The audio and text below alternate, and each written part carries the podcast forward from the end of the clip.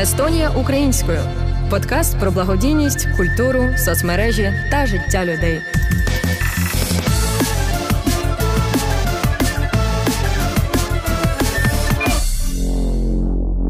Вітаємо вас, шановні слухачі.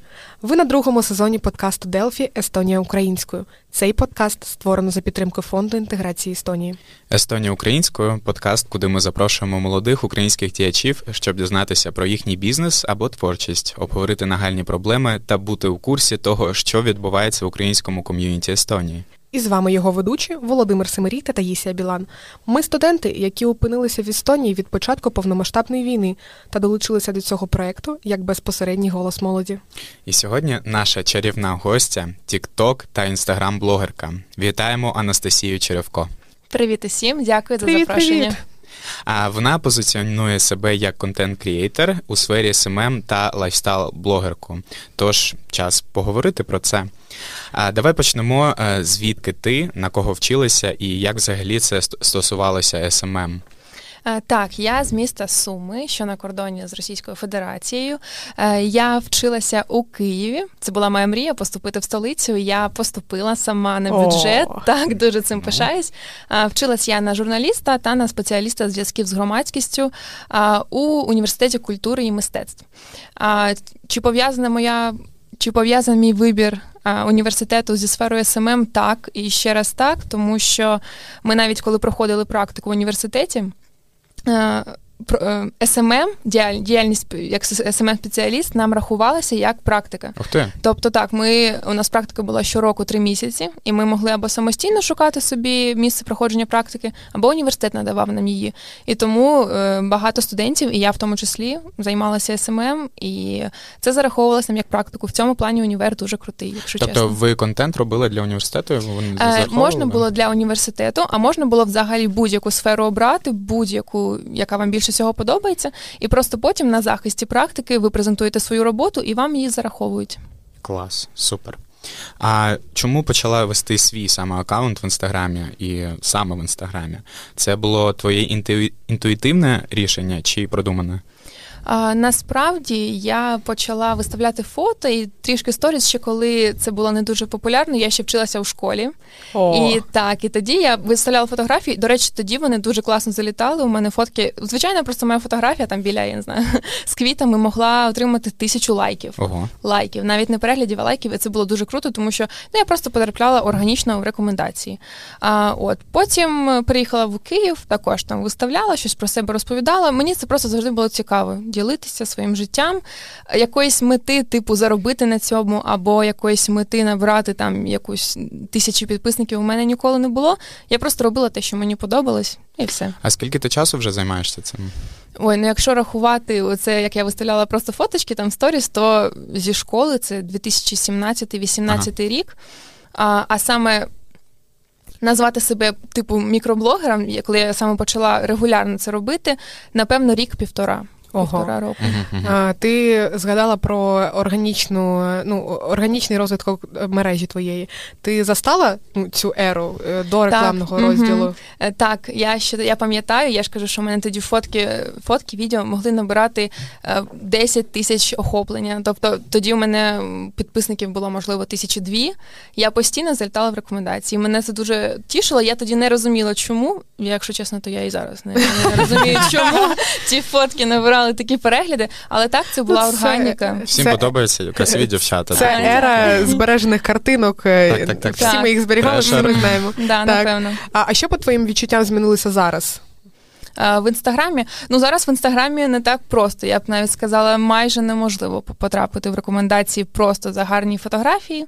Зараз, тому що інстаграм монетизувався, і зараз всі там заробляють гроші, і дуже важко просто з гарними фотками вилізти в рекомендації. Тому зараз це лише просування через Facebook Ads е, Manager, Ну тобто, А, ну я зрозуміла. це таргетована реклама або реклама у блогерів. Так, тоді можливо набрати аудиторію, тоді можливо почати вести активний блог. Так який розмір аудиторії в тебе зараз в інстаграмі? В Тіктоку? в інстаграмі зараз у мене більше п'яти тисяч підписників. У Тіктоці десь до двох тисяч, угу. але Тікток я веду зовсім зовсім небагато, буквально пару місяців. Але там переглядів багато. Але писала, там так? багато ага. переглядів. Залітає. Так, так, і мені це подобається. Тікток зараз, е, де можна розвиватися органічно, це в Тіктоці. Угу. От дійсно я не витратила ні копійки на те, щоб у мене там відоси отримували 100 тисяч переглядів, 50 тисяч переглядів.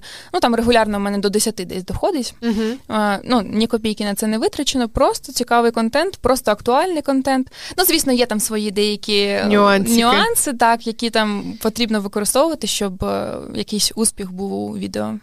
Окей, а що краще рілси чи е, тіктоки? Ну Щодо мене, щодо мого блогу, то тіктоки. У рілсах трошки складніше, знову ж таки, тому що інстаграм, і в інстаграмі дуже важко отримати органіку. А в Тіктоці це це легше. І Рілс, Тікток вони різні. Тобто в Тіктоці, ну якщо ми вже забалакали, то в Тіктоці дуже важливо утримувати увагу е, глядача. глядача. Тобто, чим довше він буде залишатися на вашому відео, тим краще. А в Рілс там Типу, це також працює, але дуже важливо також, як ваші е, глядачі реагують на контент. А, Тобто, тобто лайки, чи коментарі? лайки, коменти, переходи в профіль, підписки. Тобто, завдяки цьому Reels буде просуватися. В Тіктоці основне, щоб людина дивилась ваші відео якомога довше. Угу, Цікаво, добре. Ну е, ти зараз ведеш свій блог, але е, ти ще займалася самим просуванням кав'ярні. З чого взагалі починаються такі проекти? А, Так, це було ще в Сумах, ще в Україні. А взагалі, ми е, це мої друзі відкривали кав'ярню, і ми разом з ними починали цей шлях. І вони ага. попросили мене про допомогу, так щоб я їм допомогла ну, зробити сторінку, оформити це все.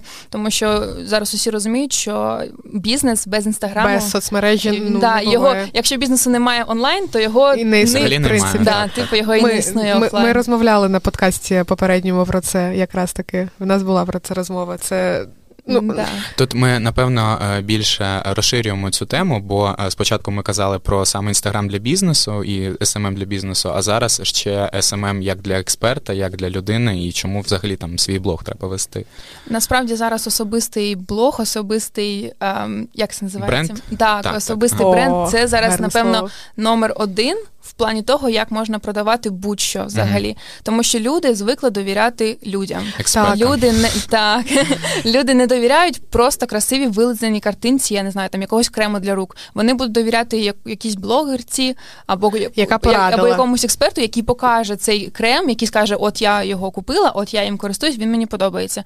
І тому особистий блог це зараз номер один. Я вважаю, на мою думку, для просування взагалі будь-чого. Ну, типу, є є ще я, я просто жартую постійно, що є експерт там з клінінгу, експерт yeah. з відкривання дверей. Зараз дуже там, багато експертів. Просто так. всі експерти. І всі продають е, навчальні курси. Угу. Так, так. Ну і ми про кав'ярню казали, так? Е, так, кав'ярня. З чого це все починалось? Е, по-перше, найосновніше для будь-якого саме спеціаліста це зробити бриф з клієнтом, тобто розпитати все до найменших подробиць про бізнес, про е, ну, про бажання, про цілі, про можливості, про все це все. І, звісно, вибудувати самим стратегію, тобто поставити цю точку Б, в яку ми хочемо прийти, чого ми хочемо досягти за певний проміжок часу. Це також дуже важливо. Я думаю, з цього треба починати усі. Ну, будь-яку роботу, так. Угу. А е, якого успіху кав'ярня добилася після твоєї допомоги? А, Так, ми працювали. На жаль, розпочалось повномасштабне вторгнення, і на той момент ми не працювали, але потім це все відновилось.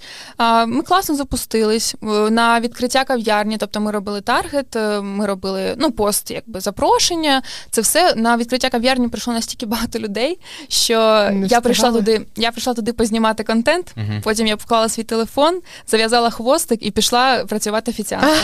Wow. Тому що тому що було наплив, так, наплив. так багато було людей, дуже і вони ну не справлялись. На жаль, і я ну це мої друзі були. Mm-hmm. І я також була зацікавлена в тому, що все вийшло вдало, тому що я за них хвилювалася. Це як, як ніби за свою кав'ярню. От і тому так я пішла. А тим бачу, в мене був досвід роботи офіціанткою, тому О, я ну ти була да, в своїй... я стала в нагоді, і тому да, це було це було круто. Круто, круто. Настя, а ось е, уся твоя аудиторія, яка зараз в тебе в інстаграмі, вона більше органікою була набрана, чи ти теж таргет е, запускала тоді? Чесно, я пам'ятаєте той період, коли інстаграм дарував е, людям якусь суму грошей на просування. Так. Типу, щоб люди так. спробували. От лише тоді Я пробувала таргет. Лише А, тоді. і після того Більше все? без того я не накручу. Ну, типу, не було в мене накрутки підписників, я, я цього не робила. І таргету, ну я ж кажу, що я ну, не витрачала на це кошти. Мгм, Тому так, тому тільки тоді, коли інстаграм подарував мені ті 10 доларів, от тоді я їх витратила на те, щоб да, А щось там. принесло взагалі? Ну я вже так не пам'ятаю, це було давненько, але здається так. Здається, охоплення там були більше, ніж зазвичай на тих постах, які я просувала. Окей, окей.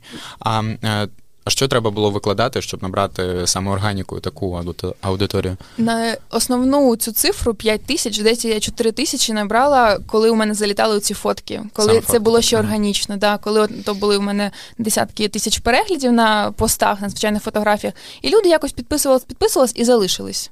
І а далі там поступово зараз вже дуже важко набрати аудиторію в інстаграм. Зараз у мене з Тіктоку переходить. Я бачу, що люди, ну коли там виставляю якесь відео, воно залітає, і люди переходять в інстаграм, підписуються, от лише так. А по-іншому якось просто, я ж кажу, просто сторіс, просто фотками. Ну, органіка дуже важко зараз йде. Ну, маленька ремарка. Заслуга Тікток- Тіктоку в тому, що я зараз запросила е, Анастасію до нас, тому що я також знайшла її в Тіктоці. І думаю, ну потрібно, потрібно, вирвемо. Так, дуже дуже багато людей. Вхопимо. Мені в інстаграмі деякі пишуть, там, наприклад, українці, які тільки приїхали, то мене жінка мені одна написала, типу, от ми тільки приїхали. У мене каже, немає у кого спитати поради, там ну банально там от, е, куди піти, де там оформити якісь документи. І вона каже: Я вас побачила в Тіктоці, бачу, що ви в Естонії. Я вам написала, ви допоможете? Кажу, ну звич- звичайно, допоможу, чому ні. Тому І ти така після цього просто в шапці профілю е, змінюєш, кажеш експертна, експертна українка в Естонії. Вони такі, ну, Боже, 5, 5 євро за пораду. Слово експерт скоро, напевно, всіх це буде тригерить дуже сильно. Хештег Вже, експерт. Так, так. Ем, ну, давай тоді тільки про інстаграм зараз. Е, що взагалі треба людині викладати, аби залетіти в рекомендації, щоб набрати таку аудиторію? А, Якщо говоримо про інстаграм, то зараз найкраще просуваються рілси. Тому от чому ці всі експерти роблять ці воронки у себе там, наприклад, в highlights, да, там, щоб люди з Reels переходили до них в профіль і залишалися, тобто підписувались. Мгм. Тому зараз, якщо ви хочете набрати аудиторію, то мені здається, що єдиний спосіб е, це зробити через Reels, але через трендові Reels. Тобто е, Прогортайте стрічку Reels, пролистайте ці відео, подивіться, що там зараз є, які треки. Це також важливо використовувати трендові. Ну зараз після того, як музику. TikTok ввійшов в наше життя, Да, повноцінно да. треки. І Інстаграм намагається наздогнати TikTok в плані популярності. Мгм. За Це правда. людям важко зараз кон- сконцентрувати увагу, Увагу. на довгих якихось відео. Тому Reels е, це як копія TikTok, але в Інстаграм, і зараз там просуватися да, органічно тільки там. А, наприклад, які рілси? Типу fun? Чи може експертні саме зайдуть? Це, Це вже залежить від того, який контент і в чому ваша ніша. Тобто, якщо ви lifestyle блогер, lifestyle блогер, то ви можете взагалі знімати все, що вам завгодно, все про ваше життя. Мгм. А якщо ви, наприклад, beauty блогер, то тоді там вже більше, напевно, буде про, ну, про експертний контент. Якщо це смішні відео, то звісно це смішні відео, якщо це гумор. Але мені здається, що такий секрет Reels в тому, щоб робити їх корот- коротенькими Мгм, мгм. короткі відео класно залітають, коли люди декілька разів їх передивляються.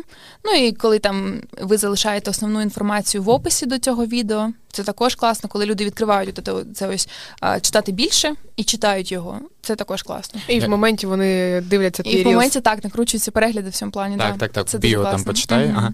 А, я, до речі, бачив там рекламу Razer наушників, і там, я не знаю, якийсь смішний відос вони взяли, там, де е, чувак якийсь стукнувся е, головою об стіл, і потім після цього е, під цей звук потім е, починається музика, і вони такі пафосно показують ці наушники. Ну, тобто, ну, і воно залетіло, так, так. Ну, орієнтовано молоду аудиторію, до того ж, це TikTok формат. Ну тобто, ми всі бачили такі едіти, хоча може не всі, я не знаю. Але в Ну, принципі, креатив він завжди так, в едітах використовують такі е, штуки доволі часто. Тобто я бачила це, і ну приємно, що компанії розуміють на кого вони орієнтуються. Ну, Тобто Razer – це в будь-якому разі компанія для молодих людей. І приємно, що ну починається ось так от шарення. Да. Ну, вони і бачать по результатах це. А, добре, а щодо Тіктоку тоді, як може працюють алгоритми? Чи є така штука, до речі, що якщо ти відос виклад... викладаєш саме у а, потрібний час, то він зал... залітає краще, аніж там, зранку? У мене є досвід е, ведення Тіктоку не тільки мого профілю. Я ще займалась просуванням е, університету, не там, де я вчилась іншого, у Тікток.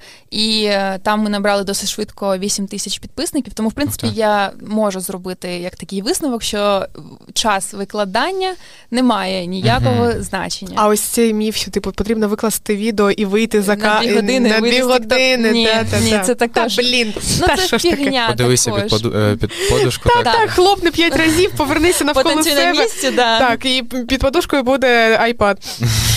Ні, насправді це не працює. І до речі, щодо цих двох годин, я ще вчора дивилась відео, якесь також мені здається в Тіктоці попалось, там де ну якийсь експерт знову О, я роз- люблю їх. розвінчував ці міфи, тому я в це не вірю, я цим не користуюсь.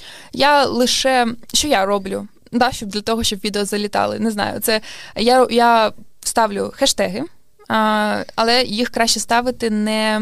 Не дуже популярні. Мгм. Тобто, чим вужче, якщо можна так сказати, Так, так. буде ваш хештег, тим краще. Тобто, чим. м, Ну, да, чим вужче він буде, тим краще, але е, і вони мають бути відповідні до теми відео. Тобто не треба на відео, там, де ви, наприклад, не знаю, готуєте кекс, ставити Likes for likes. хештег, да, там, ну, ці likes for likes, Мгм. там ці всі follow me, follow me too. Ну, цього не потрібно, це вже не працює, можливо, це працювало раніше.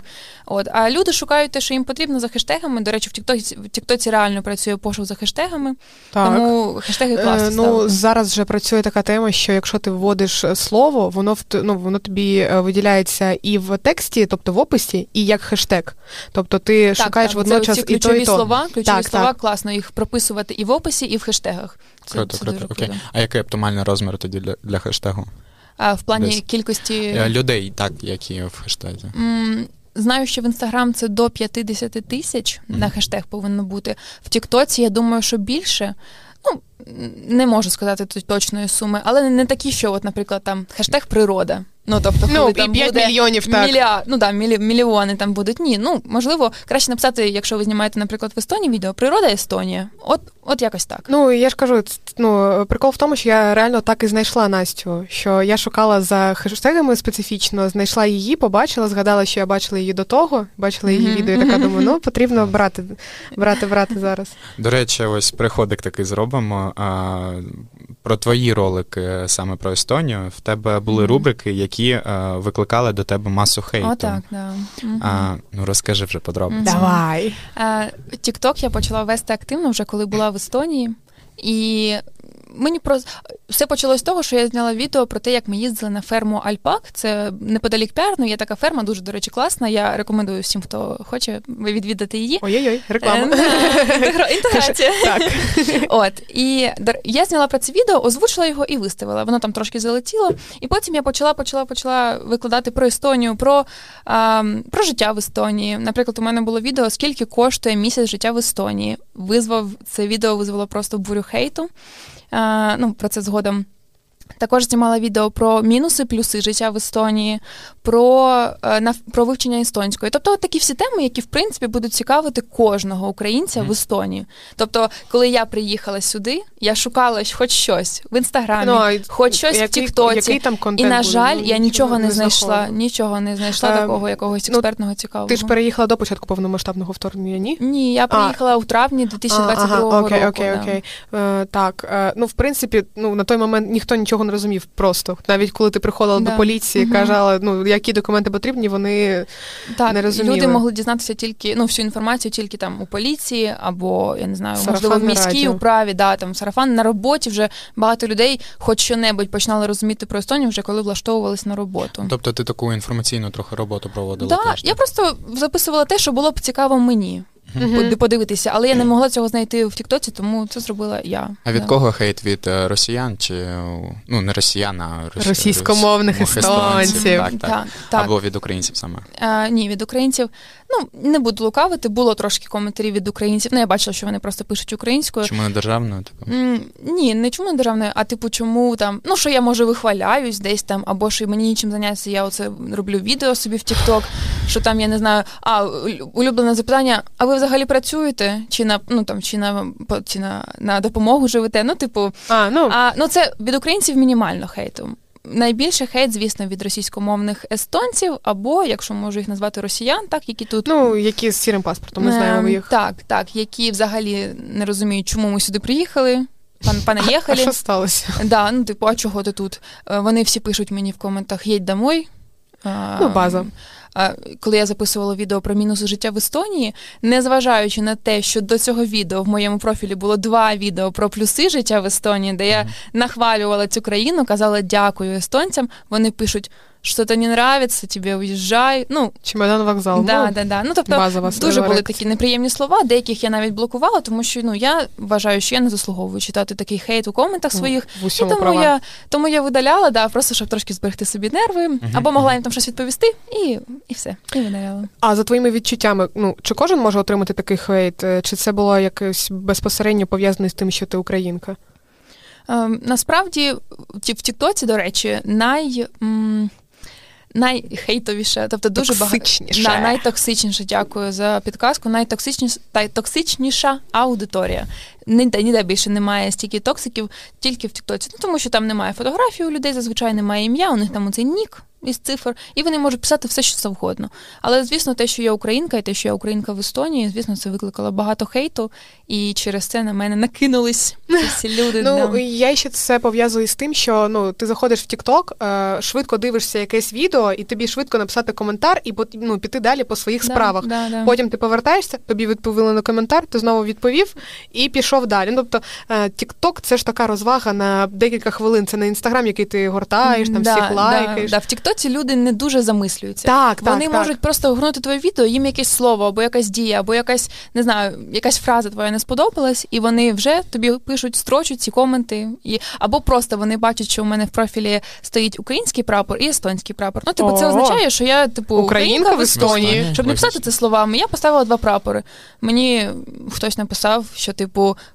Прибери флаг Естонії, ти не естонка, ти не балакаєш естонською, не не ну написали, не позор, не позор наш флаг. А, так хочеться написати. Вони ж російською написали, так? А ну якою, не якою ж іще, іще, якою ж так, іще. звісно. Ну, типу, і ти просто ось цей Uno Reverse Card на них переводиш і кажеш, а ти естонську знаєш? А чому не А вони естонською? такі, типу, да нафига мне учить этот эстонский вообще? Все mm-hmm. должны разговаривать на русском, триединая Русь, там и начинается вот это все. А, І е, хочеться їм сказати, а чому ти сам не поїдеш додому, до себе, якщо ти так любиш? І е, мені дуже цікаво, що я зараз естонську почав вчити е, до рівню там А1.2 десь, і я е, за ну. Півмісяцю, напевно, краще розмовляю, ніж росіяни, да. які не угу. хочуть вчити естонську. Так, і на жаль, через це, через цих росіян, які не хочуть вчити естонську, які живуть тут вже роками, ми, українці, також отримуємо хейт від на вулицях, ну не на вулицях, можливо, в установах. Особисто я з цим стикалась, коли ти ну, ти приходиш в установу, вибачаєшся, кажеш, вибачте, ви балакаєте російською, можливо, англійською, угу. і на тебе реагують ну просто як на. Ну, не зрозуміло. На прибульця якогось. Да, і просто вони з таким е, обличчям починають тебе обслуговувати, або взагалі не починають тебе обслуговувати, ігнорують тупо. І ну, і це через таких людей, які, на жаль, не поважають естонську мову, не вчать її і просто живуть в країні. Не знаю, сірим паспортом. Uh-huh. В мене була дивна ситуація. Ну також, але з естонською жінкою ми їхали в автобусі. Я не пам'ятаю, чи може навіть із Вовою. І був момент в тому, що ми розмовляли навіть українською, здається, і бабуся. Почала нам казати, що ай-яй-яй, так не можна, венекелі ні ні ні Ну, ми їй намагалися, звісно, пояснити, що ми українці, але її це не турбувало. Іноді, ну. Е- я така дуже розповсюджена думка, але хейтер звана хейт просто ну, тому хейтерам просто потрібно кудись випустити, випустити свою, свою агресію, да, емоцію. Да. А, ну, Але дуже дуже шкода, що ти ну, мішень цієї агресії. Так. Образливо, бо ми естонську да. вчимо. Так. І так, і я, до речі, вчу так, естонська мова. Ой, а як вчиш, до речі? А все розпочалось з того, що я проходила онлайн-курс, який є обов'язковим для усіх тимчасово захищених осіб в Естонії. Ага. Це було три місяці, здається, я вчила онлайн. А зараз я, до речі, в пошуці класних офлайн-курсів у угу. своєму місті. Так, я дуже хочу піти на саме ну, щоб ходити, щоб спілкуватися з живими так, людьми. Так, це дуже це важливо. Дуже правильно, правильно так, але зараз поки вчу на сайті Келеклік. До речі, дуже раджу знову в цей цей сайт усім ага. всім українцям. Так, там дуже зручно, і ви можете отримувати фідбек від вчителя. Так. Ви йому надсилаєте лист, тобто там типу як з домашкою, і він відправляє вам, типу, назад на вашу пошту ваші помилки, і там прописує деякі правила, типу, чому і як. Це дуже ага. круто. І це все безкоштовно. Боже, як приємно. Угу. Ще й безкоштовно. До речі, там є переклад на українську мову. Тобто я проходжу навчання українською. Там можна там можна російською, фінською і українською, і англійською. Чесно, кожен раз, коли я бачу на сайтах, що є українська, навіть якщо е, сайт якийсь е, іноземний, я бачу, що можна пере, ну, перекласти на українську, я відчуваю таке легке да. тепло. Угу. Дуже приємно. А ти стикалася з хейтом поза мережею? Ну тобто, от ми зараз розмовляли про це. Е, чи це тільки там було в не знаю, в лікарні, в автобусі? Саме з таким прямим хейтом, типу. Там ти українка, що ти тут робиш, іди там їдь додому. Ні, такого не було на щастя. Але я чула про це історії, але ну не будемо про це. Особисто я не стикалась, лише це було в лікарні одного разу, коли просто я підійшла, і мені потрібно було оформити а, декларацію з сімейним лікарем. Але, на жаль, ні англійською, ні російською зі мною не хотіли спілкуватися. І потім саме не хотіли чи не могли? Не хотіли. Ага. Тому я знаю, Приємно. Да, я знаю, ну це я знаю, що ці жінки, тому що я ж ним з ними ж спілкувалась, коли тільки-тільки приїхала. Тобто, це ну вони і ми балакали російською тоді, і вони просто ну на відріз відмовились мене обслуговувати. Ну, звісно, я отримала те, що мені було потрібно, тому що ну навіщо я туди прийшла. Але це було з таким виразом обличчя і з таким такою неповагою, що я чесно більше навіть не хочу ходити в ту лікарню. А що стосовно менталітету естонців, ти їх розумієш? Відчуваєш? Насправді з тими естонцями, з якими я спілкувалась, вони всі класні. Мені дуже подобаються ці люди. Вони я стикалася з відкритими естонцями, тобто з такими, які Що завжди дивно. Да, завжди допоможуть, посміхаються. Звісно, можливо, вони на вулицях не ну, не здаються прям такими позитивчиками, але коли ти починаєш з ними спілкуватися, коли ти просиш про допомогу, не знаю, просто балакаєш про життя, всі естонці, з якими я мала якусь розмову, всі класні. Взагалі дуже подобається мені. А було таке, що в тебе вже рекламу заказувала там саме естонця?